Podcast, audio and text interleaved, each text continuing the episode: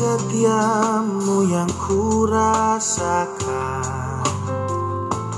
lebih tinggi Selamat datang bulan April, bulan yang baru untuk kita jalani mulai hari ini.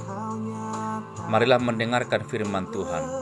Hari ini Rabu 1 April 2020 tertulis dalam kitab Efesus pasal 2 ayat 10. Karena kita ini buatan Allah diciptakan dalam Kristus Yesus untuk melakukan pekerjaan baik yang dipersiapkan Allah sebelumnya. Ia mau supaya kita hidup di dalamnya. Demikian firman Tuhan. Saudara-saudari, Paulus berbicara tentang manusia baru, yaitu manusia yang telah menerima kasih karunia Allah di dalam Yesus Kristus. Manusia baru adalah menjadi surat Kristus yang ke mana pun dia bergerak dapat dibaca oleh orang lain. Manusia baru adalah tiruan Kristus, imitatio Christi, yang selalu memperlihatkan pikiran dan tindakan-tindakan Kristus.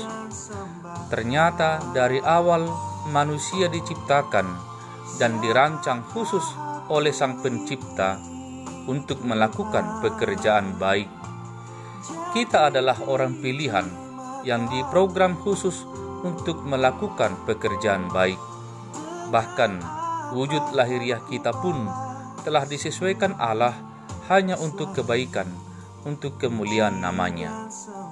Oleh karena itu, ketika Tuhan memprogram kita untuk berpikir dan bertindak melakukan pekerjaan baik, yaitu segala kehendak Tuhan, Jangan pernah mencemari dirimu sendiri dengan pikiran dan tindakan-tindakan kotor dan ceroboh.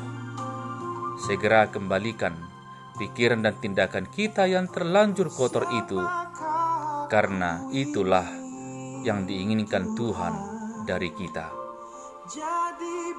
Amin. Marilah kita berdoa. Ya Tuhan Allah Bapa kami, arahkanlah hidup kami untuk selalu melakukan kebaikan. Pikiran dan tindakan-tindakan kami selalu melakukan pekerjaan baik. Amin. Shalom